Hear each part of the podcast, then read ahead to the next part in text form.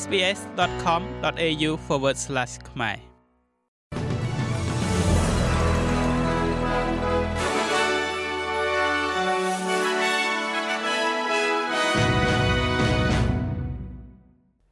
សូមស្វាគមន៍មកកាន់នេតិព័ត៌មានខ្លីៗរបស់ SPS ខ្មែរសម្រាប់ថ្ងៃអង្គារទី23ខែមករាឆ្នាំ2024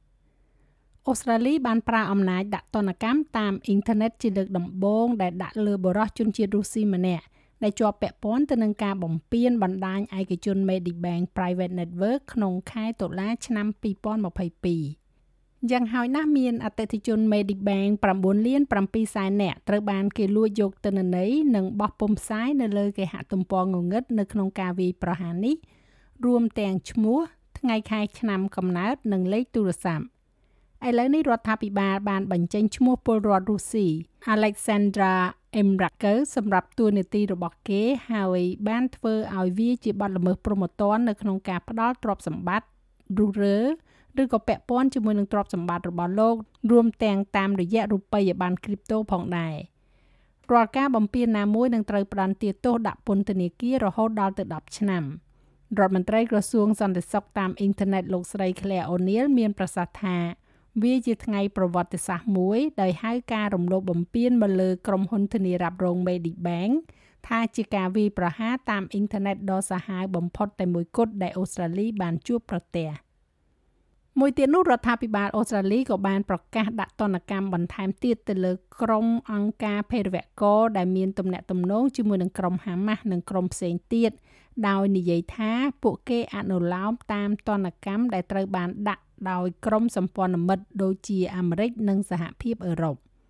រដ្ឋមន្ត្រីការបរទេសលោកស្រី Penny Wong បាននិយាយថាទណ្ឌកម្មទាំងនេះត្រូវបានដាក់ទៅលើអង្គភាពចំនួន3និងបុគ្គល12រូបដែលមានទំនាក់ទំនងទៅនឹងក្រុម Hamas, Hezbollah និង Jihad Islam Palestine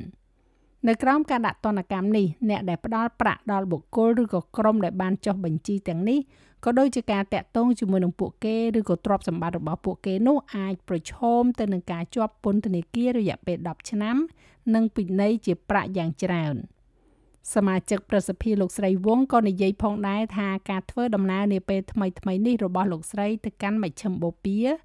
បានបញ្ជាក់ពីការគ្រប់គ្រងរបស់រដ្ឋាភិបាលចំពោះដំណោះស្រាយរដ្ឋពីរសម្រាប់អ៊ីស្រាអែលនិងប៉ាឡេស្ទីន។ ចុងក្រោយនេះពាក់ព័ន្ធជាមួយនឹងការកាត់បន្ថយពន្ធនៅក្នុងប្រទេសអូស្ត្រាលី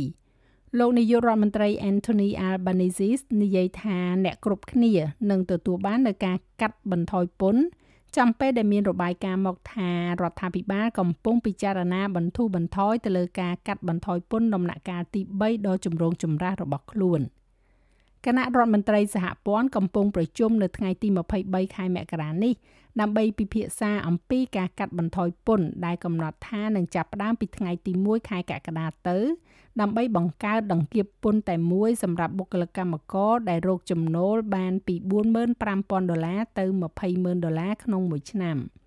ប៉ុន្តែរបាយការណ៍ពី Nine Media និង ABC បានបង្ហាញថា មានផែនការថ្មីមួយដើម្បីបន្ទាបដង្កៀបពន្ធកម្ពូលមកនៅត្រឹម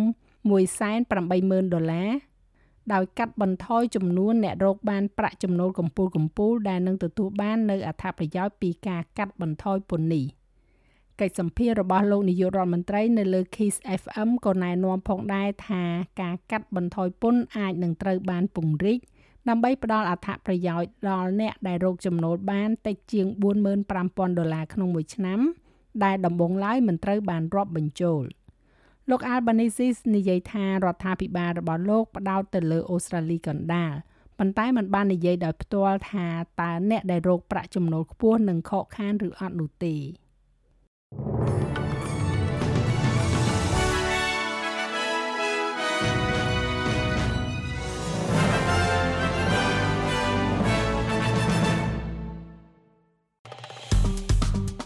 ចុច like share comment និង follow SPS ខ្មែរនៅលើ Facebook